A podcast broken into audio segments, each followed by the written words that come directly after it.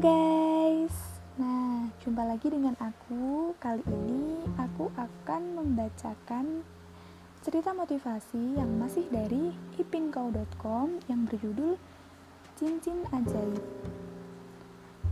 Seorang bapak tua yang memiliki tiga orang putra sedang bingung. Ia merasa memiliki sebuah cincin yang dianggapnya bertuah karena sejak digunakan selalu membawa keberuntungan dan kesuksesan bagi dirinya. Cincin itu rencananya ingin diwariskan kepada salah satu anaknya, tetapi dia khawatir anak yang lain akan merasa iri.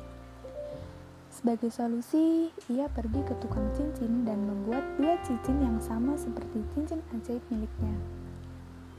Keesokan harinya, ia memanggil ketiga putranya, lalu berkata, "Anak-anakku, Cincin ini sama baiknya.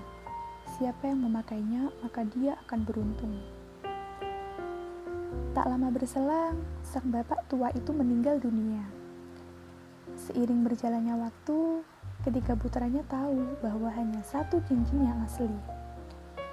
Mereka lalu pergi ke seorang hakim yang bijaksana untuk mencari tahu mana cincin yang asli dan meminta jalan keluar beserta pembuktian. Setelah merenung dan berpikir, hakim bijaksana itu berkata, "Aku tidak dapat menolong kalian, tapi aku tahu cara untuk memastikan cincin yang asli. Pakailah cincin kalian masing-masing. Kalian yang harus membuktikan bahwa cincin kalian asli, yaitu dengan bertindak dan bekerja dengan baik sehingga kalian menjadi orang yang beruntung." Ketiganya bertekad untuk membuktikan cincin mereka yang asli dan bertuah.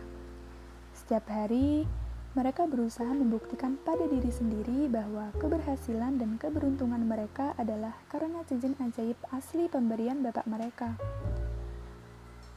Tahun berlalu, sukses demi sukses mereka raih bersama. Akhirnya, mereka sadar dan mengerti bahwa bukan cincin yang membuat mereka sukses, melainkan karena kegigihan dan kerja keras sendiri. Nah, jadi teman-teman, dari cerita motivasi kali ini, eh, motivasi yang dapat kita ambil adalah bukan sesuatu di luar diri kamu yang membuat sukses atau beruntung. Bukan cincin, baju, celana, atau apa pun yang kamu kenakan. Akan tetapi, yang menentukan keberhasilan adalah keuletan, kerja keras, sikap pantang menyerah, berdoa, dan selalu bersyukur. Oke, cukup sampai di sini dulu ya kisah motivasi kali ini. Tetap tunggu kisah-kisah motivasi berikutnya, guys. See you next time.